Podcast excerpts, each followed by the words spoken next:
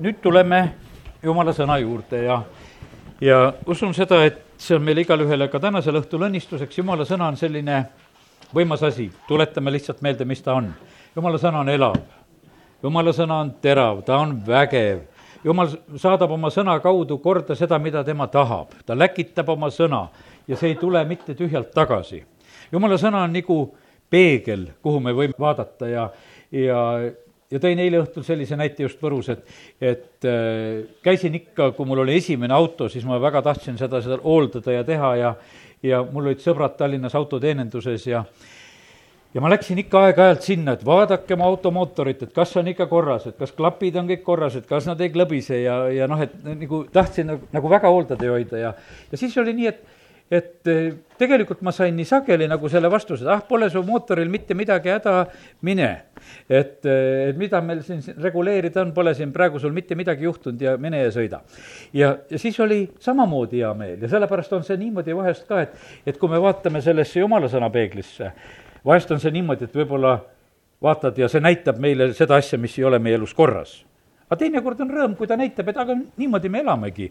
et meil ongi täpselt nii, nagu jumal ootab ja tahab, et me elaksime ja, ja, ja sellepärast olgu see nõnda, et, et eh, emba-kumba täna siis meie jaoks on, kas on midagi, mille koha pealt meid korrale kutsutakse või lihtsalt me saame selle kinnituse, et ongi hästi, oled õieti teinud ja, ja sa võid samamoodi olla rõõmus ja õnnistatud ja sellepärast võtame lihtsalt täna aega ka eh, jumala sõna jaoks ja, ja see kindlasti tuleb meile õnnistuseks. me teeme lahti täna eh, Philippi kirja teise peatüki ja, ja sealt loeme salmid viis ja edasi ja teema, millest ma tänasel õhtul tahan rääkida, alandlikkusest ja, ja kuulekusest. ja selleks on meile tegelikult väga otseselt eeskujuks Jeesus ise. mõtelge iseenesest sedasama mida Kristuses Jeesuses, kes olles Jumala kuju, ei arvanud osaks olla Jumalaga võrdne, vaid loobus iseenese olust, võttes orjakuju, saades inimese sarnaseks ja ta leiti välimuselt inimesena, ta alandas iseennast, saades kuulekaks surmani, pealegi ristisurmani.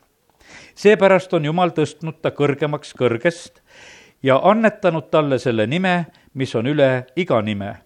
Et Jeesuse nimes nõtkuks iga põlv, nii taevas kui maa peal kui maa all. ja et iga keel tunnistaks, et Jeesus Kristus on issand, Jumala isa kirkuseks. siin Apostel Paulus ütleb väga selgelt, et mida tegi Jeesus, et Jeesus alandas iseennast ta tegi seda vabatahtlikult, jumala sõna tunnistab ja räägib meile väga selgelt sellest asjast, et, et Jeesus tegi selle otsuse ise et ta lasi ennast risti lüüa. ja, ja see ei olnud mitte üks õnnetu juhus, et meie mõtleme, et no sa näed, kui halvasti temal läks, et üks hea inimene on ja, ja ühel heal inimesel läheb ikka halvasti, nagu inimesed tahavad oma ütlemisi ütelda. see ei olnud mitte mingisugune juhus, vaid see oli jumala armastus, mis on Jeesuse kaudu väljendatud ja lisaks veel sellele, et kõige selle juures Jeesus pidi pidevalt tegelikult tegema neid otsuseid, et ta läheb seda teed, mida mööda tema pidi minema, et meid päästa ja, ja lunastada. Jeesus ei ei olnud hädas, kui ta selle kannatuse tee peal siin selles maailmas ol-, oli. ei ta kaevelnud, ei ta äh, kasutanud üldse imesid enda kaitseks. ta tegelikult aitas inimesi, ta tegi imesid, aga ta ei teinud neid selleks, et, et ennast kaitsta. ta on isegi seal tormisel järvel, eh, tema magab, temal vahet ei ole sellest tormist ta jüngrid on hädas ja siis Jeesus vaigistab tormi ja ütleb oma jüngritele, et te nõdrausulised, et mi-, mis te muretsete. sellepärast, et kui meil oli plaan minna, küll me läheme siis ka sellest tormist läbi ja jõuame teisele kaldale ja, ja meil ei ole nagu midagi karta. nii et Jeesus oli selline, eh, kes, kes võttis selle kannatuse asja ette vabatahtlikult ja ei ta kutsunud abi, ta oleks võinud kutsuda appi endale terve leegioni ingleid, aga ta ei teinud seda ka ja, ja sellepärast üks, kellest tänasel õhtul räägin, on Jeesus. teine, kellest ma tänasel õhtul väga eh, mitmed näited toon, on kuningas Taavet.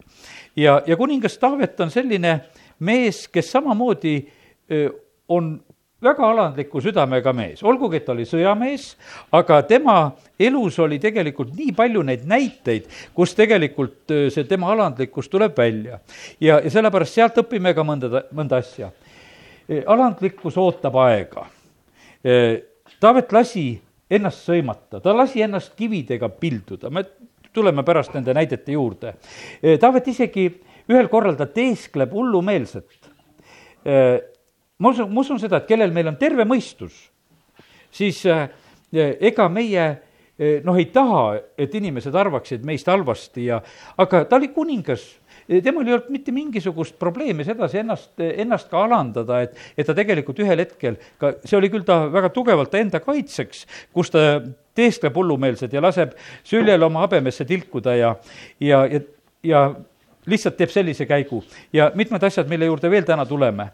aga ta süda oli selline, mis väga jumalale meeldis ja, ja eks Taaveti selline süda on meile teada, mille pärast, et meil on piibliraamatus Taaveti laulude kogu ja seal on niimoodi, et seal ta laulab oma südame välja. ja, sellepärast no lihtsalt, lihtsalt tuleb ta süda välja ja jumalale tegelikult ta, ta väga meeldis. aga nüüd me täna räägime alandlikkusest ja ütlen nagu ennem veel seda, et, et eh, ühte asja, mida me teeme me, me tegelikult ju väga julgustame üksteist, et kui oled jumala lapseks saanud ja oled päästetud saanud, et sa oled kuninga laps ja sa oled uus loodu ja, ja sa oled õige ja, ja tegelikult me tahame alati selle uue inimese sellist eneseteadvust väga tõsta.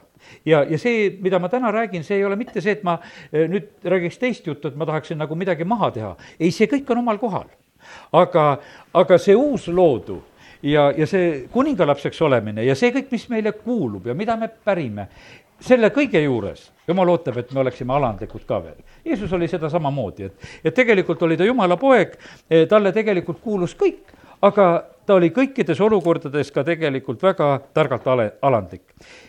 see ei tähenda ka veel seda, et me ei tohiks kuskil ära ütelda või, või teha mingisuguseid valikuid või otsuseid.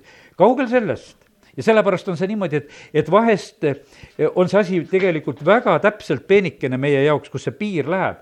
et kus on tegu uhkusega, aga kus on tegelikult võib-olla tegu hoopis kartusega, et pole julgust ja sellepärast ega, ega kui sa oled kart-, kartlik ja julge, ega sa sellepärast ei ole mingisugune alandlik.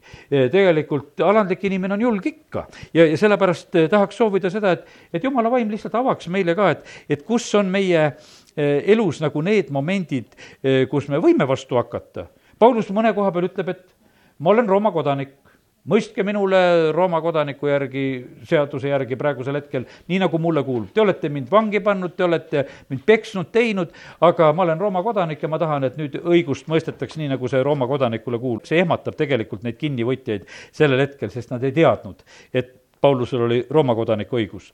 ja, ja sellepärast nii ta on. siis on väga tähtis see, et me oskaksime ära eraldada seda, et, et millal on meil otseselt tegu inimestega, aga millal on tegel-, tegemist kuradiga. kuradile jumala sõna ütleb, et temale seiske vastu.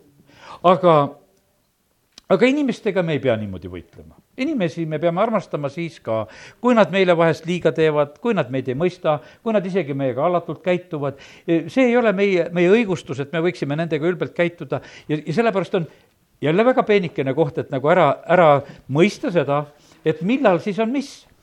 ühel korral on see, kus tegelikult Apostel Paulus ütleb ja seal väga selgelt seal lause vaimuga tüdruk on, ütleb, kuule, ajab selle välja, kes ta järgi seal käib või, või mis iganes, kus ta reageerib väga äkiliselt, ütleb, et nüüd lähme korra majja. või, või on seal mõni teine näide selline, kus see üks nõid, kes tuleb, öeldakse väga karmid tegelikult sõnad, et tulgu pimedus su üle tavaliselt me tahame igale inimesele ütelda sedasi, et kuule, et, et sa päästetud, et jumala valgus tuleks su üle. aga sellel hetkel on tegelikult sa igavene e, sõge pimedusel laps, praegusel hetkel ma lihtsalt palun, et pimedus tuleks ja su üle ja et sa kobaksid praegusel hetkel siin ringi, no täiesti teine jutt. Ja sellepärast on nii, et nendes asjades, et noh, me peame olema väga täpsed, me ei tohi niimoodi eksida, et, et me lihtsalt, et ühele inimesele paneme pauti niimoodi ja, ja teisele paneme teistmoodi. aga seal oli tegelikult väga selge teadmine teadmine oli jumala vaimu läbi, et, et seda võib ütelda. et seal on täiesti kindel selline kuradi kätte andmine ja, ja seal võib just selliselt eh, ka käituda. Eh, ütlen veel sellise sissejuhatava mõttena selle asja ka, et, et eks eh, mis on alandlikkuse vastand, ma usun, et enam-vähem saame aru kohe kõik, et on uhkus ja, ja mis asi on uhkus, ma arvan, et see ei ole meile keegi, kellelegi tundmatu asi, küll me oleme vahepeal seda tunnet ka saanud tunda, kui see uhke tunne tuleb peale ja, ja, ja tunned mõnest asjast sellist uhkust ja rõõmu, aga jumala sõna hoiatab tegelikult väga selle koha pealt, et kus, kus uhkus saab maad, siis see on väga ohtlik olukord, sest see on enne langust, see, see on tegelikult see patt, mille pärast kurat löödi taevast välja ja igavesti välja ja tema jaoks enam pääsemist ja armu ei ole, sellepärast et ta just selliselt käitus. ja, ja mida jumala sõna veel ütleb uhkuse koha pealt, ta ütleb, et, et ka need vastpöördunud võivad olla selles kohas tegelikult nagu kiusatud ja sellepärast õpetatakse seal, et, et kui kogudusele valitakse juhte ja vanemaid, kes peaksid olema ametis, ärgu olgu vastpöördunu.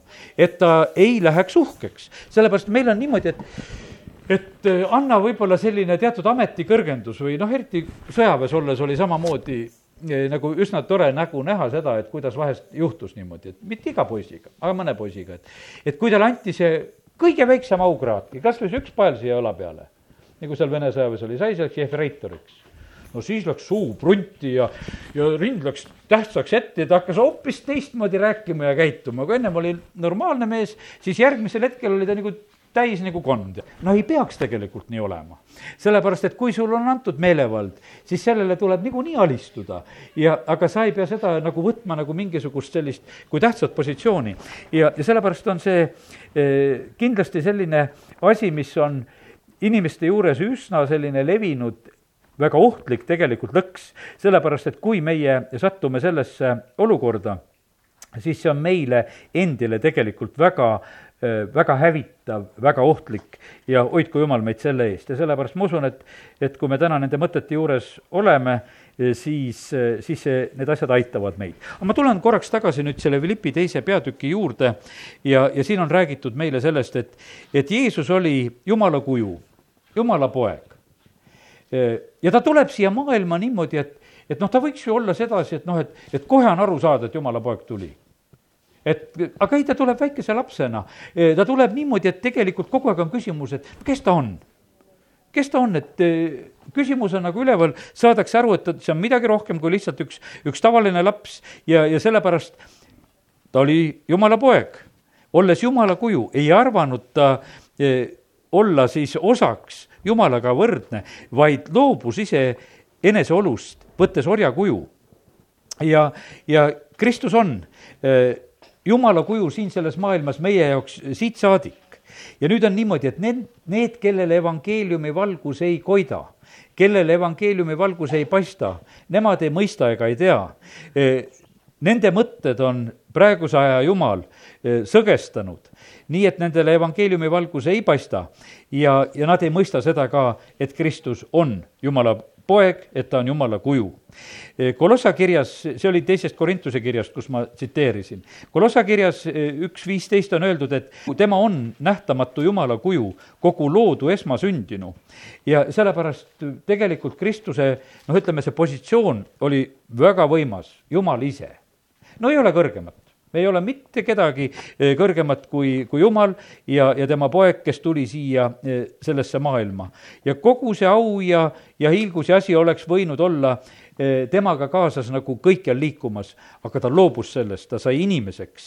ta võttis orjakuju ja, ja ta sündis naisest, sai seaduse alla ja ta ei tulnud ennast laskma teenida, vaid ta tuli, teenis teisi ja andis oma elu paljude eest ja, ja siis, nagu ma sellele viitasin, et Jeesus ütles, et, et Johannese evangeeliumi kaudu, et juba ette seda, et keegi ei võta seda minult, see tähendab tema elu, vaid mina ise annan selle omal tahtel minul on meelevald seda anda ja minul on meelevald seda jälle võtta. selle käsu olen ma saanud oma isalt. üks pastor ütles et niimoodi, et, et kui need roomlased olid risti löönud väga paljusid inimesi ja noh, ütleme, et kui sa oled surmamõistetu, no no vaevalt sa siis vabatahtlikult tahad, et, et sind nüüd tapetakse ja sind risti lüüakse. Ja, ja sellepärast need Rooma sõdurid olid harjunud sedasi neid inimesi risti lööma ja tead, et, et kuule ju vastu rabelevad ja sa lähed nagu, nagu jõuga peale, et ma pean tast kinni saama. aga kuidas oli Jeesuse kinnivõtmisega juba Getsemanis? tullakse, Jeesus ütleb, et mina olen see, kui te otsite mind. kinnivõtjad kukuvad maha Nad on ehmatanud, sest tavaliselt on niimoodi, et nad on nagu valmis, et, et talle tuleb järgi joosta seda, keda sa kinni hakkad võtma. aga siin on niimoodi, et see tuleb vastu, et jah, et mina olen see, võtke mind kinni. ja see on niimoodi, et nendele selline ehmatus, et nende reaktsioon on selline, nad lendavad pikali maha hoopis. ja siis nad peavad üles tõusma ja, ja Jeesus annab ennast kinni võtta. ja see üks pastor, kes ütles, et ja, ja siis, kui Jeesus hakkas risti lööma, siis ta annab parema käe, et no tahate siia naela lüüa, no lööge siia nael. tahate vasakusse lüüa, siis lööte siia, et ma ei tõmba seda eest ära ma luban ennast risti lüüa, sest mina annan praegusel hetkel oma elu, ma lähen sinna ristile. ma ei, mul ei ole mitte mingisugust kavatsust ära põgeneda, et, et ma noh, et oleks nagu seda tegemas. mul ei ole seda ja seda tegi tegelikult meie kõikide eest, ta kandis meie karistust. ja me täna nagu sellest teemast ei jää nagu rääkima. ja siis on, Hebra kiri ütleb viis kaheksa seda, jah, olles küll poeg, siis jumala poeg, õppis ta kuulekust selle läbi, mida ta kannatas ja, ja sellepärast on see nii, et, et Jeesus läks alanduse teed pidi õppides Jeesus läks kuulekuse teed pidi õppides. tal oli kiusatus ju enne ristisurma veel, et isa, kui on võimalik, siis teeme niimoodi, et et mingu see karikas minust mööda, et ma ei peaks ikkagi seal ristil surema, et ma tegelikult ei tahaks. aga kui see võimalik ei ole, no siis ma pean sellega leppima ja ma lähen seda teed. ja teate, mille pärast tal ei olnud võimalik? Sinu ja minu pärast ei olnud tal võimalik, sellepärast et meie kõikide karistus tuli kanda, meil on sellepärast, no nii lihtne, palud selle päästepalve ära ja sa saad rahu oma südamesse.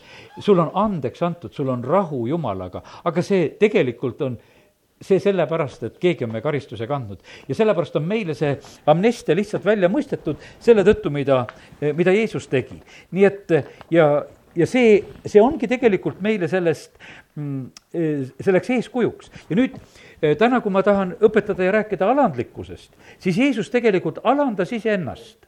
alandamisega võib olla vaata selline asi, kas me iseennast alandame, lähed kuskil, kui oled eksinud, palud andeks või, või sa teed selle ise. aga elu võib olla ka selline, kus, kui sa ise ei alandu, sind alandatakse äkki tõmmatakse su eh, vead ja puudused avalikkuse ette, kirjutatakse ajalehes või, või, või noh, ütleme, pannakse telekasse või noh, mis iganes on niimoodi, et, et ühtäkki sa oled nagu, eh, nagu paljastatud ja, ja, ja sa oled lihtsalt avalikuks tehtud ja, ja, ja sellepärast on see niimoodi, et tegelikult on niimoodi, et, et meie eludes võib olla niimoodi, kus jumal meid alandab, meie eludes võib olla see, kus, eh, kus ühiskond meid alandab, kus meid tegelikult süüdi mõistetakse, tõmmatakse päevavalgele, aga meie võimalus on tegelikult see, kui me iseennast alandame, siis me võime minna nagu seda andeks saamise ja teed mööda ja, ja tegelikult on see palju parem. tegelikult on see tugevus, kui meie suudame iseennast alandada ja, ja sellepärast, eh, mis selle taga tuleb, kui me seda Philippi kirja lugesime, et Jeesus alandas ennast ja ta sai ka kuulekaks, siis teda ülendati ja sellepärast meie vahest nagu oleme mures sellega, et, et eh, no tahaks olla ikkagi nagu tublim jääkädam. ja kas see siis tuleb alandlikkuse kaudu? et eh, kardad sedasi, et äkki eksid sinna alandusse ära ja äkki seda ülendamist ei tulegi. ja, ja siis oled kuulekas ka veel ja võib-olla nendele asjadele, mis sulle ei meeldi, et aga äkki ka sellest ei tule midagi head. aga kallid, meil on Jeesuse käest väga selge eeskuju, et alanduse kaudu enne au on alandus. Ja sellepärast on, jumala sõna ütleb seda väga selgelt, et me ei pea häbenema seda, kus meie tegelikult äh, alandume, kus me alandume Jumala ees ja kus me kannatame võib-olla neid alandamisi ka, mis saavad meile osaks äh, ka teiste inimeste käest. ja, ja sellepärast, et ta alandas ennast ja seda kuni ristisurmani ja, ja oli kuulekas oma ka taevasele isale, sellepärast on teda ülendatud ja, ja see alandamine, Jeesuse alandamine ei olnud vägisi, see oli tema valik. see, see oli tõesti üks tohutu häbitund.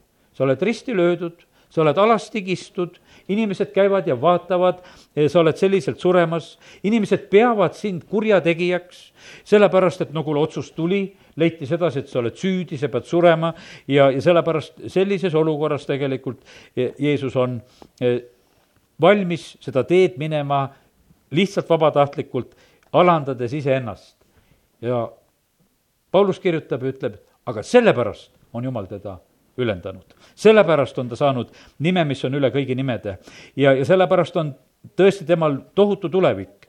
prohvet Jesaja juba kuulutab ette, vaata, su sulane talitab targasti, teda ülistatakse ning ülendatakse ja ta saab väga kõrgeks. ta saab väga kõrgeks. see on viiskümmend kaks, kolmteist Jesaja raamatus. õpetuse sõnadest võtan paar kohta, õpetuse sõnad üksteist kaks ütleb, tuleb uhkus, tuleb ka häbi, aga alandlikel on tarkus. ja õpetuse sõnad kuusteist kaheksateist ütleb, uhkus on enne langust ja kõrkus enne komistust. teine peatükk Jesajast, teisest peatükist üksteist salmi edasi. inimeste suurelised silmad alandatakse ja meeste kõrkus painutatakse. jah, sel päeval on issand üksinda kõrge, sest vägede issandal on päev kõigi suureliste ja kõrkide jaoks, kõigi jaoks, kes on kõrgele tõusnud, et neid alandada kõigi Liibanoni kõrgete ja uhkete seedrite jaoks, kõigi Baasani tammede jaoks, kõigi kõrgete mägede jaoks, kõigi kõrgemate küngaste jaoks, kõigi kõrgete tornide jaoks, kõigi tugevate müüride jaoks, kõigi Tarsise laevade jaoks, kõigi toredate laevade jaoks, siis painutatakse inimeste ülbus ja alandatakse meeste kõrkus. jah, sel päeval on issand üksinda kõrge tegelikult noh, väga hoiatav sõnum et vaata, selline kõrkus, suurelisus, ülbus, mida see maailm teeb ikkagi, ega ei vaata erilise sellise noh, mõnusa tundega neid pilvelõhkujaid, mis ehitatakse et, et kui loed jumala sõnast, et jumalal on kõigi nende kõrgete tornide jaoks üks päev, mis on sellistes noh, ütleme, inimeste ülbuses ehitatud, et üksteist üle trumbata, et mina tegin kõrgema. me tegime veel mõned meetrid kõrgema, me tegime veel ja, ja sellepärast ega neid niisugustes kohtades nagu no rääkimata, et elada tahaks, ega palju käiagi ei taha nendes kohtades, kus sa tead, et, et jumala otsus võib tabada, ütled, et ma tahan, et, et see ülbus ja kõrkus siit praegusel hetkel lihtsalt kaoks. ja sellepärast, et jumal ei salli seda, sest et temal, jumal paneb suurelistele vastu jumal paneb ülbetele vastu. Peetrus kirjutab oma kirjas just, et jumal paneb suurelistele vastu, Jakobus ütleb oma kirjas, et jumal paneb ülbetele vastu ja sellepärast on see niimoodi, et, et äh, ei ole mõtet ka ütleme, et kui me ka jumala lastena, et peame olema hoitud nagu sellest asjast, et, et me ei oleks sellised, et me oleme mingisugused teistest paremad ja ülbed ja, ja, ja suurelised, ei saad kohe Jumala endale vastaliseks. ei ole vaja seda. me oleme tulnud Jumala ette, oleme armu saanud ja, ja, ja peame olema õige meelsusega teiste inimeste suhtes ja, ja pika meelega ja kannatlikud ja, ja peame omama armastust ja, ja sellepärast kiitus Jumalale, et, et, et Jumala sõna nendes asjades meid hoiatab. Taanili raamatus on ju kuningast Nebukadnetsarist, ma ei hakka seda kohta ka lahti tegema, lihtsalt jutustan natuke. et vaata, kui tema kõnnib ja vaatab ühel päeval, ta tegelikult saab hoiatava unenäo ja et see üks suur puu, mis raiutakse ja, ja ainult juur jääb maa sisse ja kõik, kuidas see pilt seal oli ja ja, ja ta tegelikult on niimoodi, et kaheteist kuu pärast, aasta pärast unenägu läheb täide, sellepärast et, et ta siis äh, vaatab uhkena kõige selle peale, mis ta on teinud ja sellel hetkel tabab teda jumala kohus, ütleb, et sa oled nagu loom. sa hakkad rohtu sööma ja sa oled sellises olukorras lihtsalt, et ja, ja siis, kui tuleb aeg läheb mööda, kus ta hakkab jälle Jumalat kiitma, siis antakse mõistus ka tagasi. ja, ja sellepärast on see nii, et, et äh, me ei tohi, ei tohi uhkeldada ei oma jõu, ei oma tervisega, ei mitte millegiga. kunagi üks mees ütleb oma lastele lihtsalt, et ütleme, et, et, äh, et lihtsalt näidates oma lastele oma käsi, et need käed ei jäta teid mitte kunagi häbisse. no mul ei ole täpselt enam meeles, oli see mõni nädal või, või paar kuud, kus need käed olid halvatud. ja jumal lihtsalt lööb neid käsi, ütleb, et, et sina, ülbekene, julged niimoodi ütelda, et sinu käed on igavesed, et need ei jäta kunagi. et ma näitan sulle, et need käed ei liigutagi sul varsti enam. ja, ja sellepärast, et tegelikult kui õpetad lapsi, ütled, et kuule, et meil on jumal, kes meid ei jäta kunagi häbisse ja hädasse. aga kui sa rõhud oma käte või jalgade peale, siis sa, siis sa võid saada nii kiiresti vastu sõrme, kui saada. aga, aga see võib tulla sellisest rumalusest ja teadmatusest, et isegi noh, see noh, ütleme, et see võib olla isa selline, kuidas ütelda, niisugune siiras soov, et, et ma nii tahaksingi, et ma aitan teid aga sa oled ju inimene ja kas sa saad aidata, see ei ole ju tegelikult meie käes. ja sellepärast on see nii, et jumal ei salli seda, kui meie südametes on eh, uhkust. ja sellepärast aidaku meid Jumal, et, et me ei kukuks eh, sellisesse olukorda, kus, kus uhkuse kaudu hakkaks meile eh, langus tulema, sest Jumal ütleb, et tema paneb suurelistele vastu ja sellepärast on see nii, et, et jumal on oma sõna taga, ta on valvas seda teoks tegema, kui ta on seda ütelnud, kui leiab kuskil keegi läheb suureliseks, siis ta tuleb kohe seda õhku välja laskma, ütleb kõik, ma ei saa seda lubada, sest ma olen tõotanud, et mina sellele asjale hakkan vastu töötama. ja, aga meil on see patune ja, ja rikutud loomus ja sellepärast on meid nagu noh, ütleme, mida me oma lihas ikka omame, olgugi, et me oleme vaimulikult uuesti sündinud, siis kurat tahaks nagu selle, selle vana loomuse kaudu, noh, seal midagi seda upitada, et, et meid jälle kätte saada. ja, ja sellepärast eh, nii ta on, et, et meie elus on need teatud sellised valikuhetked. kas me oleme uhked või alandume? ma toon võib-olla niisuguse süütu näite kõigepealt. et võib-olla see, noh, ei riiva meid mitte kedagi kes me praegusel hetkel siin istume. kunagi sõitsin Võrus ja kui veel see Jüri tänav oli ühesuunaline, minul oli Moskvitš sellel hetkel, millega ma sõitsin. ja ma sõitsin mingisugusest Mercedesest mööda. oi, ma vihastasin teda. ta sõitis vaikselt, hästi vaikselt sõitis, minul oli kiire mina vaatasin, no mina selle taga seal sõitma ei jää, ma tegin siuh kõrvalt mööda ja ette no ma sain temaga nii sõitma. ta tuli must varsti mööda niisuguse lauluga, et sest et noh, ta ei suutnud seda alandust ära kannatada, et mingisugune Vene Moskvitš tuleb ja sõidab tema vägevast mersust mööda ja, ja lihtsalt tema au oli riivatud. aga nüüd on niimoodi, et vaata, kui sul, kui sinus tekib nagu selline reaktsioon, ma usun, et meil ei ole kellelegi võõras, et meil on teatud hetked on sellised, et kus meie reaktsioon pannakse käima, noh, kellelgi on see autoroolis, kus temal see reaktsioon tekib ja sul on nüüd valik kas sa jääd rahulikuks, ei vajuta gaasi, jääd mõistlikuks. Või vihastad ja lähed ja, ja paned täiega ja, ja taastad nagu oma uhkuse ja au ja, ja, ja lähed, teed kohe hetkega selle asja korda, et, et paned maksma ennast, et kes siis on kes. aga, ja vaata, ja, ja need hetked tegelikult on meie elus need valikuhetked. et kuidas me käitume? Kas, kas me vihastume, kas, kas me läheme asja korraldama, tegema? Või meil on seda rahu, et me tegelikult käitume nõnda, et me oleme valmis alanduma.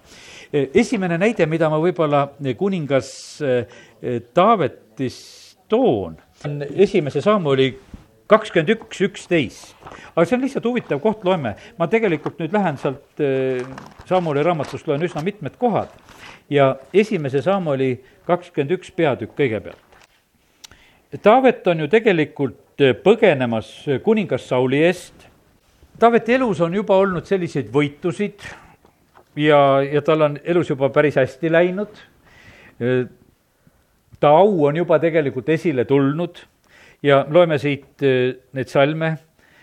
Taavet võttis kätte ja põgenes sel samal päeval Sauli eest ning tuli Kati kuninga Aakise juurde. aga Aakisele ütlesid tema sulased, eks see ole Taavet, maakuningas, olgugi et Saul oli sellel hetkel kuningas aga see oli tulevane kuningas. eks see ole maakuningas, eks see ole tema, kellest nad tantsides vastastikku laulsid ja ütlesid. Saul lõi maha tuhat, aga Taavet kümme tuhat. valitseval kuningal öeldi, et sina said tuhandega hakkama, aga Taavet sai kümne tuhandega hakkama. et noh, Taaveti seda võitu hinnati väga kõrgelt. nüüd on selline asi, et äh, Taavet on seal siis selle Kati kuninga Aakise juures kolmteist salm ütleb, et Taavet võttis need sõnad südamesse ja kartis väga Kati kuningat Aakist. sest ta mõtles nüüd niimoodi, et, et ta on praegusel hetkel nagu selle Kati kuninga ees, teda on väga kiidetud, teda on väga kõrgele tõstetud, et ta on tulevane kuningas, et ta on väga suur ja võimas ja nüüd on selline, et noh, mis lihtsam on, et kuule, sellises abitus olukorras, kus ta on põgenemas, et, et nüüd on hea aeg teda ära kõrvaldada. ja mis Taavet sellel hetkel teeb? Ta tegi ennast nende silmis rumalaks käitus hullumeelsena nende käes, tegi märke väravate peale, laskis ila habemesse voolata ja käitub ühesõnaga sellise no täiesti rumalana sellel hetkel seal nende keskel. siis ütles Aakis oma sulastele, vaata, te näete, et see mees on hull. mispärast te toote ta minu juurde? kas mul on puudus hulludest, et te tõite selle minu juurde hullutempe tegema? Kas niisugune peaks tulema minu kotta? no muidugi väga meeldiv kompliment oli oma sulastele ka, et mul hulludest puudu ei ole, et mul mul hullud kõik ümberringi siin ja nüüd ühe tõite veel juurde siia. ja, ja aga Taavet tegelikult, kui me nüüd loeme seal seda eh, kolmekümne neljandat laulu, kus tegelikult on öeldud seda, eh, see laul, kui Taavet on põgenemas ja kus ta teeskleb hullumeelselt, siis tegelikult on see, et ta tegelikult alandub Jumala ees Need, kes tema poole vaatavad, need säravad rõõmust. ta kiidab Jumalat, kuidas ta tegelikult pääseb. ta on nii suur, et tema au ei ole riivatud, et ta võis ennast alandada niisuguseks hulluks. ega Jeesus ei olnud ka riivatud, kui ühel päeval öeldi talle, et kuule, et sa oled hull ja tullakse teda kinni võtma. ja sellepärast on see niimoodi, et, et vaata, see on meie katsumus võib-olla jumala lastena seda samamoodi, et keegi sulle ütleb hull. sa oled hull usud seda sõna, sa oled üks igavene hull, tead, eks. ja võib-olla see on niimoodi, et kui sinus on see au, aukoht nii tugev, siis sa tahaksid võib-olla umbes selle, et noh, umbes no, ma ei tea sellest midagi ja paned kõrvale, ma tahan tark olla hoopis, eks. et või kannatad selle hullu positsiooni ära ja, ja, ja tegelikult pääsed. ja sellepärast ärme kardame olla, see ei röövi mitte midagi meie käest. ja, ja sellepärast meie ei pea igal pool tõestama, et me oleme targad see, see, seda ei ole mitte kuskil kästud, et me peaksime seda tegema. ja, ja sellepärast on see niimoodi, et me võime täitsa rahuga olla, olla ja usaldada oma elu Jumala kätte ja küll Jumal ajab, meie asju. ja sellepärast tegelikult üks selline alandlikkuse õppetund on see ka, et, et kus sa ei häbene olla, kus sind peetakse tegelikult rumalaks, kus sind peetakse imelikuks, mis iganes. ja sellepärast kuningas Taavet annab siin sellisel hetkel eh, meile sellise väga piltliku näite ja ta tegelikult ise sellel hetkel ka eh, pääseb. kiitus Jumalale selle eest. ja ma ütlen seda, et meie elus eh, tuleb, igalühel tuleb neid katsumusi kus meie armastus pannakse proovile, kus meil on tegemist inimeste ülbusega, kus meil on tegemist riigi ülbusega, kus meil on ettevõtete ülbusega tegemist. ja, ja me tee peal tulime, isegi natukese rääkisime mõningatest asjadest, mõned firmad ja asjad ja kuidas nad käituvad ja, ja, ja vahest on meil justkui on nagu õigus. ja ma ise nagu vaikselt mõtlesin ühele asjale eh, ma olen harva, kui ma olen kuskile nagu kirjutanud selliselt, ühel korral ma tegin ühe kirja, eh, kus ma teenenduse üle eh, panin oma märkused ja mõtlesin, et, et see teenindus oli vilets ja mul on tõesti kahju, mul oli väliskülalised veel, keda ma vastu võtsin sellel hetkel ja mul oli kuidagi kurb, et, et sellel hetkel nagu nii viletsalt teenindati, käituti ja ja, ja, ja siis lihtsalt tegin sellise väikese tagasiside, me, ma ei teinud seda ju kuskile, et ajalehte kirjutaks, et, et kuskil kedagi häbivääristada, vaid ma ütlesin, mõtlesin, ma ütlen sellele juhatajale iseendale seda, et, et kuule, et see värk, mis teie käest saime, et see oli vilets. et see oli kurb, et see tegelikult nii läks. Ja teed nagu selle ära. Ja siis mõtled tagantjärgi, aga mis rõõmu mul sellest on? Eks ta küllap ise ka teadis, et need asjad on viletsad, mida nad teevad seal ja, ja ega tallegi siis see teadmata ei ole see tema elujärg, kuidas nad hakkama saavad või on ja, ja tegelikkuses on see nii, et kas sellest on alati tühjaga abi.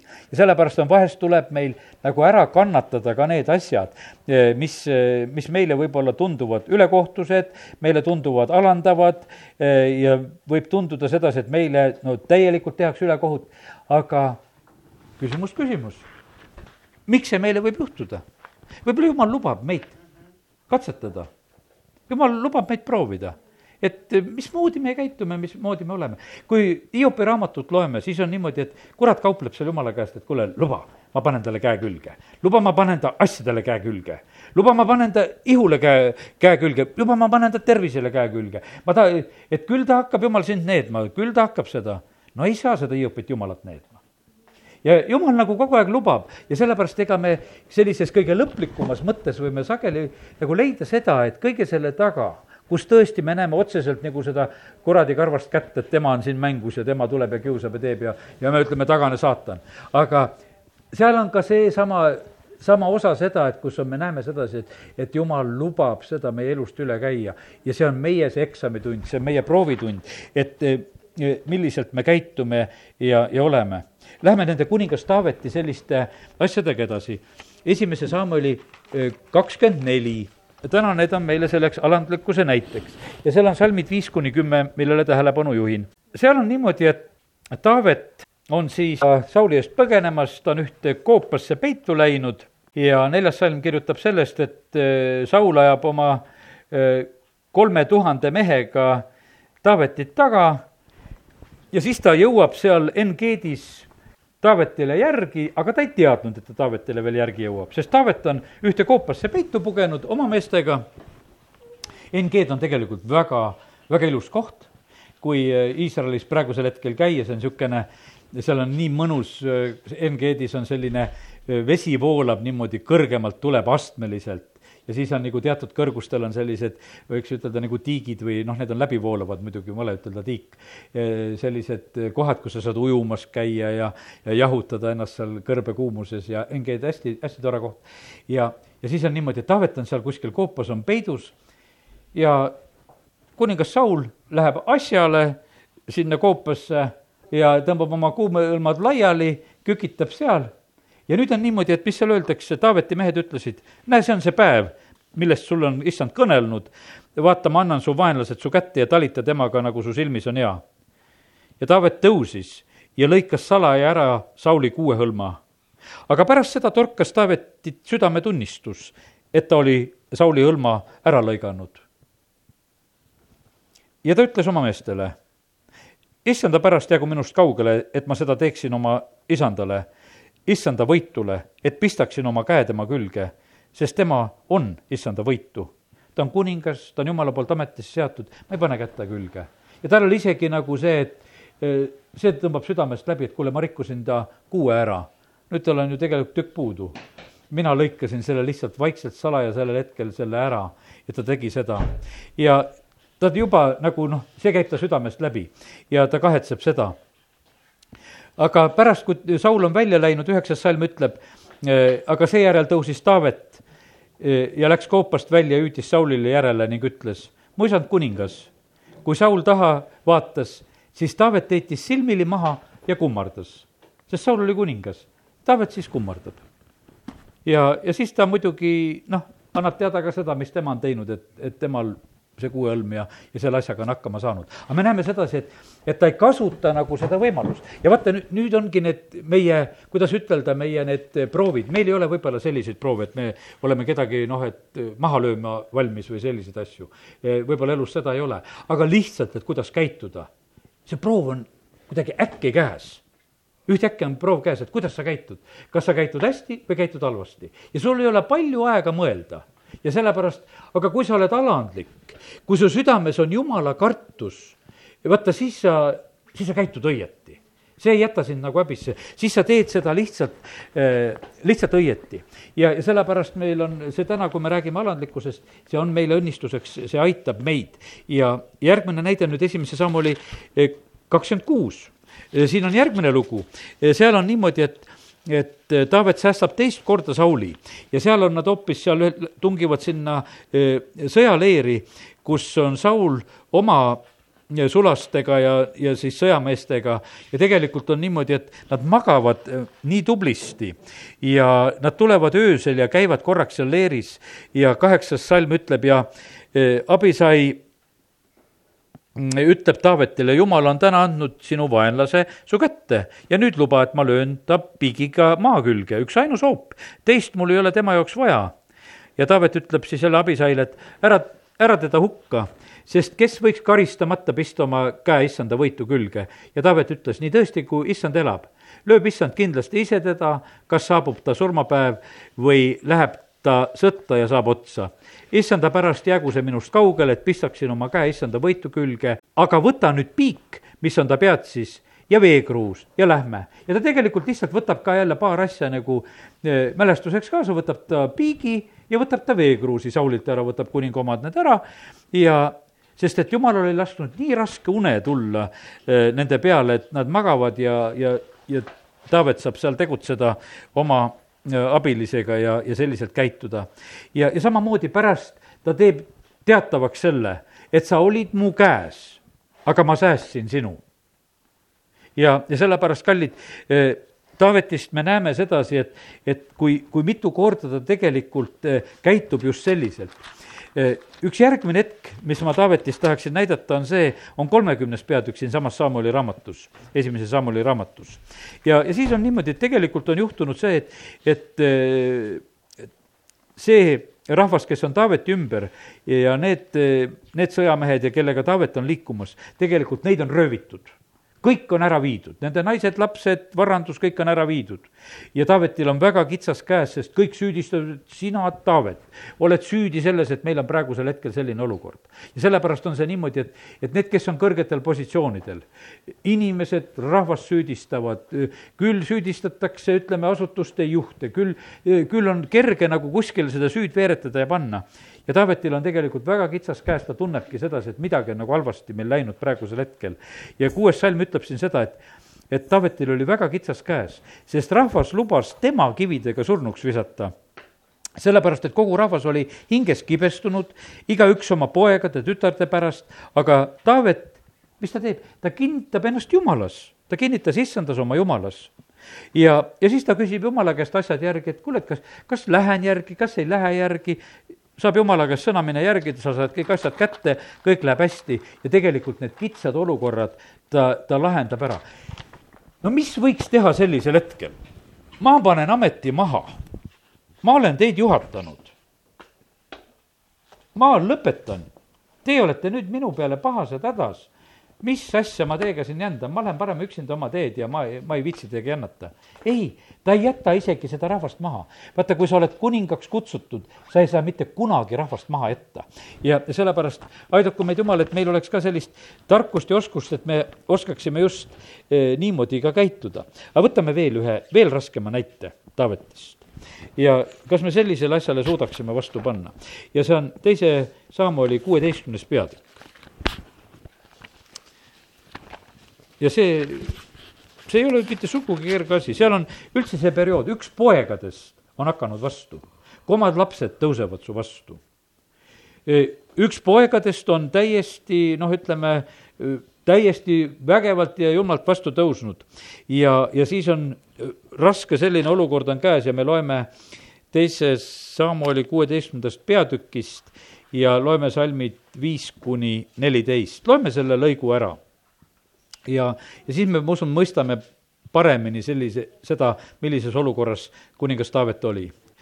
kui siis Taavet jõudis Bahurimisse, vaata, siis tuli sealt välja mees Sauli perekonna suguvõsast, Siimei nimi, Keera poeg.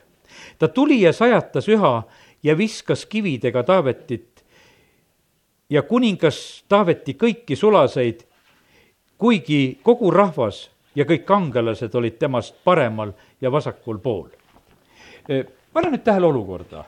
kuningas Taavet on oma saatjaskonnaga, kangelased on tema ümber ja siis tuleb üks Sauli suguvõsa mees, ta tuleb ja sajatab teda ja pillub kividega. pillub lihtsalt kividega ja nüüd on niimoodi, et see olukord on tegelikult Taaveti käes. ja et mida siis teha, kuidas reageerida.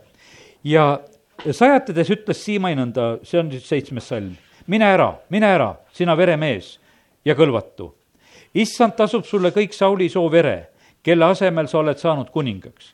issand annab kuningriigi su poja Absalomi kätte ja vaata, nüüd sa oled ise õnnetuses, sest sa oled veremees.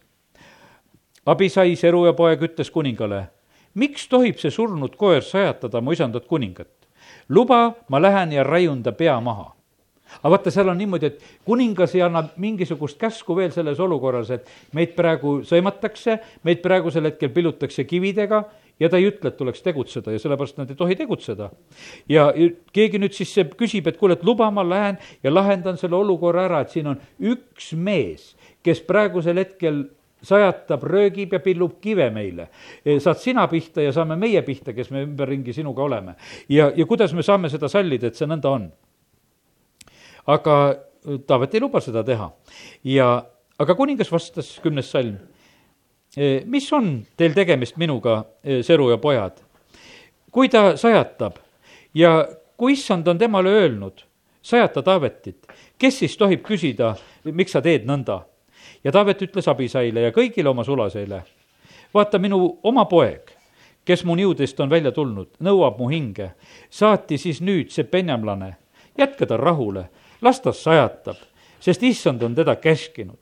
vahest issand vaatab mu viletsuse peale ja vahest issand tasub mulle heaga tänase sajatuse asemel. siis läksid Taavet ja tema mehed mööda teed, kuna Siimai käis pikki mäe külge temaga kohakuti ja sajatas minnes, viskas kive, pildus liiva, olles temaga kohakuti. ja kuningas tuli väsinult koos kõige rahvaga, kes oli tema juures ja tõmbas seal hinge tagasi. vaadake, milline olukord tegelikult on. sa oled pilduda, sa oled sajatada ja ta, sa võtad sedasi vastu. ja sellepärast, kallid, Uues Testamendis, kui Jeesust nimetatakse, siis Jeesust nimetatakse, ta on Taaveti poeg. Jeesus, Taaveti poeg, halasta mu peale. vaata, Taavet oli jätnud sellise tohutu eeskuju ja pildi kas, kas meie taluksime seda, et kui meid mõnitatakse, meid naeratakse, meid kividega pillutakse, et me ikka säilitaksime rahu. E, aidaku meid Jumal, et me oskaksime nagu nendes olukordades, kus on tegelikult nagu see meie proov, et, et me oskaksime nagu need, need asjad nagu õieti ära lahendada, sellepärast et inimlikult seal oli niimoodi, et pead võiksid lennata kohe, sest mitte mingisugust küsimust ei olnud, kangelased ümberringi. ja, ja sellepärast, aga täna on meil see alandlikkuse õppetund ja sellepärast täna me räägime sellest asjast, noh, ütleme, me räägime selle tegelikult väga tähtsaks. et eh, selles on tegelikult eh, tõusmine, selles on võit ja, ja sellepärast kui me teeme seda jumala kartuses, siis tegelikult jumal meid häbisse ei jäta ja jumal tuleb oma äh, armu ja abiga. seda me vajame oma abieludes. meie armastus pannakse proovile meie kõige lähemate inimeste poolt ja sellepärast on niimoodi, et jumal on andnud meile selle agape armastuse, mis ei hävi ilmaski. kõige valusam on, kui meie kõige lähemad inimesed käituvad alatult, no kõige valusam midagi teha ei ole, kui teevad seda lapsed, kui teeb seda abikaasa, tegelikult on siis, siis on meie valiku koht, et kuidas meie reageerime. kas, kas me siis ütleme, et kuule, davai, minema või me tuleme ja hakkame eaga ja armastusega asju lahendama, andestusega asju lahendama. ja, ja sellepärast Jumal on tegelikult meiega nii tegemas ja sellepärast ta e, e, õpetab ja aitab meid selles asjas ka, et, et meie võiksime niimoodi teha. ja järgmine asi, mille juurde nüüd tähelepanu juhin, on see, on kuulekus, kui selle alanduse jutust oleme natukene rääkinud, ma ei tea, ka võib-olla jääb natuke kuulekusele ka veel kohta. kuulekus on hoopis veel üks teine, teine lugu e, Jeesus oli kuulekas, seal Philippi kirjas oli see samamoodi öeldud seda. kuulekas on olla lihtne, no nendes asjades, näiteks töö juures, kui sa töötad kuskil, kui, kui sa sellest täiesti aru saad, see on väga mõistlik ülesanne, mis anti, ja sa teed ja sa oled kuulekas. kuulekas on siis olla raske, eh, kui sa ei saa sellest aru, see tundub sinu jaoks rumal, täiesti mõttetu ja, ja täiesti vale ja sa pead olema kuulekas ja nüüd on niimoodi, et ja sa võid ütelda sedasi, et ma olen kuulekas inimene. kui sul on nüüd ütleme, e, pärikarva kuulekuse ülesanded, aga kui sul on vastukarva, vaata siis sa võib-olla ei ole enam kuulekas, lähed nagu kass turri ja vaatad sedasi, mulle ei meeldi, et sa mul vastu karva tõmbad, eks. ja, ja sellepärast on see täpselt seesama lugu. aga kuulekus on kuulekus just ka sellisel moel, et, et kus sa tegelikult eh, alistud kuskile, kuhu sa pead alistuma ja sa alistud sellepärast, et, et lihtsalt olla kuulekas. ja, ja sellepärast, kallid, Jeesusel oli seesama kiusatus, et, et olla oma isale kuulekas või mitte kuulekas. ta valis selle tee, et ta on kuulekas. ta õppis seda kuulekust. ja, ja sellepärast on see nii ka. ja teate, kus kuulekus saab alguse? see on võib-olla kõige raskem asi, on, kus saab alguse, kui me koguduse sellises pildis räägime. kuulekus saab alguse, et kõigepealt Jumal läkitab selleks kuulekuse prooviks meile inimese meil on niimoodi, et noh, näiteks, et vaata, ma olen pannud tähele sedasi, et kui inimesed saavad päästetud, nendel on üsna lihtne olla kuulekas. seda, mida kuuled kantslist, mida pastor ütleb, tehakse, põmdi ei ole mitte mingisugust niisugust raskust. võib-olla aja jooksul läheb selline, et, et kuule, hakkad juba mõtlema, et kuule, et kas igat asja kohe tasub teha, mis öeldakse. ja hakkad kaaluma. aga küsimus ongi selles, et jumal paneb kõigepealt selle kuulekuse proovi niimoodi, et kõigepealt tuleb inimene. ja siis on selline varsti selline küsimus. aga kas ma ikka pean teda kuulama? aga kallid, jumal on selle nõnda seadnud, et, et ta läheneb nii sageli meile just inimeste kaudu kõigepealt, kus ta tegelikult äh, ütleb meile, näiteks minu isal oli selline kogemus. mu isale tuleb üks äh, pastor, kes oli Võru koguduses omal ajal, kes oli haigeks jäänud, oli vanus juba ja varsti oli igavikku minek. sõidab Tallinnasse, minu isa töökoha ukse taha, seal Pärnu maanteel, kus ta sellel hetkel töötab, ja läheb, ütleb, et tead, vend, ma tulin sulle ütlema, et sina oled Võru koguduse järgmine pastor. ta on ise seal oma autos seal kuidagi, kes teda toob seal kuidagi tooli peal pool pikali ja, ja tuleb siis lihtsalt eh, töökoha väravasse teatama, et, et kuule, sinu asi on sealt eh, Põhja-Eestist ära tulla nüüd ja sa tuled Võru koguduse järgmiseks pastoriks. kuidas mu isa selle peale reageeris? ta reageeris väga inimlikult. ta ütles, et noh, kah igaüks mind kamandab, kus ma pean olema, tead, eks, et, et, et mis värk see on. Et noh, et ja ta ei võtnud absoluutselt tõsiselt seda ütlemist sest et inimene tuli, lihast ja luust inimene. Ja veel viletsas olukorras. Ja tuleb mulle ütlema seda, et kus ma peaksin minema või kus ma peaksin olema. mu isa matab tegelikult sedasama meest, ta maetakse Valga kalmistule. Ja mu isa hiljem seda rääkis, ütles, et ja kui ma olen Val-, Valga kalmistul ja olen teda matmas, siis jumal ütleb mulle, noh, kui mõni auväärsem mees oleks see tulnud ütlema, võib-olla sa oleks kuulanud aga et see mees tuli ütlema, siis sa ei tahtnud kuulata. aga et sa pead sinna Võrru minema. ja siis ta kuuletus. aga see esimene tegelikult selline asi tuleb sageli meile selliselt, et me nagu ei tunne seda ära ja, ja sellepärast meil on niisugune tunne, et me selles asjas võime ise kaaluda ja tarkused ja asjad mängu panna. aga jumal nii sageli tuleb just oma nende plaanide ja soovidega, mis ta tahab meie elus eh, korda saata. ja siis on selline, ja vaata, kui jumal on läkitanud ja kui sa jumala läkitatud vastu ei võta, kas siis jumal peaks tulema? me nii sageli ütleme, et jumal, me ootame sind, tule sina, jumal. ja need, kes on jumala läkitatud, me oleme kõik laiali peksnud. Sina tuled, nii nagu Jeesus räägib tähendamise sõna, ütleb, et ma läkitasin sulaseid vilja võtma. tapame ära, me ei taha neid. siis me läkitame viimaseks selle armsa poja, no tema tapame ka ära ja teate, mis siis tegelikult see tähendamissõna ütleb, seda ütleb, et, et siis tuleb Jumal, aga ta ei tule enam hea sõnumiga siis ta tuleb ja hukkab ja ta paneb nende linna põlema. ütleb, et nüüd on kõik, et nüüd tuleb Jumal. küll, aga nüüd ta tuleb täiesti teisel moel, nüüd on plats puhas.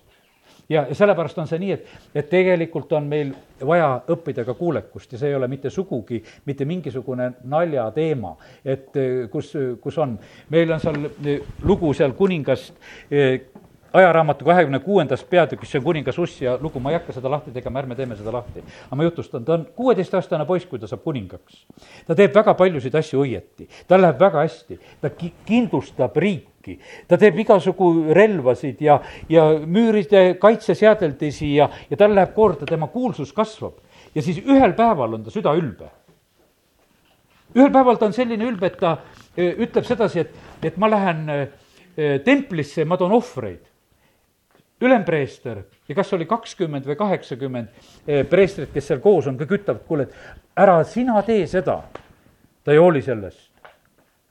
ja sellel hetkel lööb talle pidalitõbi ta pea peale kohe välja sellel hetkel, sellepärast et tegelikult oli ta läinud ühel hetkel ülbeks. ja sellepärast, teate, eh, meie elus on palju ohtlikumad hetked, on need, kus meil läheb juba hästi need ajad, kus meil on kitsas käes, kus meil läheb viletsasti, eh, kus meil on noh, ütleme, need olukorrad, nendes me oskame nagu palju õigemini käituda.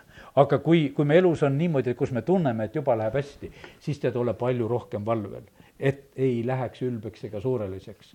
sest et vahest on see niimoodi, et me ei tajugi seda ja sellepärast on niimoodi, et jumal võib-olla hoiab vahest meie elus palju asju tagasi. me palume, me palume vahest tervist me ei tea võib-olla sellega, mida peale ka hakata, võib-olla osadel inimestel täitsa küsimuse asi selles ka, et mis sa sellega pihta hakkad, osad inimesed tahaksid seda saada ja, ja see on, sellepärast jumal ütleb, et, et parem mine ühe jalaga tead jumala riiki või ühe silmaga, kui sa tervenesti põrgusse lähed, mis sul sellest kasu oleks. kui sa terve maailma kasuks saaksid ja oma hingele kahju teeksid. jumal teab, mis meile on parem kellegi kätte ei saa võib-olla rikkusi usaldada, ma kuulsin seda, Dmitri Makarenko just tarvitas oma ühes jutluses seda näidet, ütles, et, et uuriti Ameerika kolmekümne kahte sellist inimest, kes olid saanud väga suure lotovõidu. et aastate pärast nende elu. ja siis oli nii, et ainult üks nendest inimestest, kes oli saanud suure lotovõidu, oli aastate pärast elamas paremini, teised elasid veel halvemini kui ennem seda võitu. sellepärast, et nad ei osanud selle suure rahaga mitte midagi peale hakata, nad kaotasid selle ja viisid oma elu veel hullemasse ummikusse. ja, ja sellepärast on see niimoodi, et, et milles on küsimus? meid valmistatakse, et meie kätte saaks anda tõelist. kui me tahame, et meile tuleks kõrgendust, meile tuleks positsiooni, siis see tuleb alandlikkuse kaudu, siis see tuleb kuulekuse kaudu ja sellepärast, kallid, tegelikult on see niivõrd elementaarne ja tähtis asi. ja siis me kanname välja neid asju ka, kui, kui meid tõstetakse üles, pannakse positsioonidesse. et me siis ei lähe uhkeks ja ülbeks ja, ja sellepärast tegelikult Jumal on meid valmistamas, et, et me võiksime eh, sellisteks saada. nii et täna olen rääkinud nendest eh, asjadest, olen rääkinud alandlikkusest, see on tegelikult meie õnnistus ja jumal ülendab selle tagajärjel ja kuulekus on õnnistus, jumal ülendab selle tagajärjel ja me käime Jeesuse jälgedes ja sellepärast, kui Jeesusega see nii juhtus, siis juhtub see meiega ka nii. meil ei ole mitte midagi karta, sellepärast et kui me tema moodi tahame olla, tema järgi käituda, siis meie selles ei noh, ütleme, ei jää mitte sugugi häbisse. ja, ja sellepärast aidaku Jumal meid kõiki nendes proovides, mis meil seisavad ees ja siis saab Jumal meie kätte usaldada tõelist saab usaldada meile raha, saab usaldada meile võimu, saab usaldada meile autoriteeti, saab usaldada meile positsioone, saab usaldada meile kõike, sest kui me juba seda välja kanname. ja, ja sellepärast aidaku meid Jumal selles, amin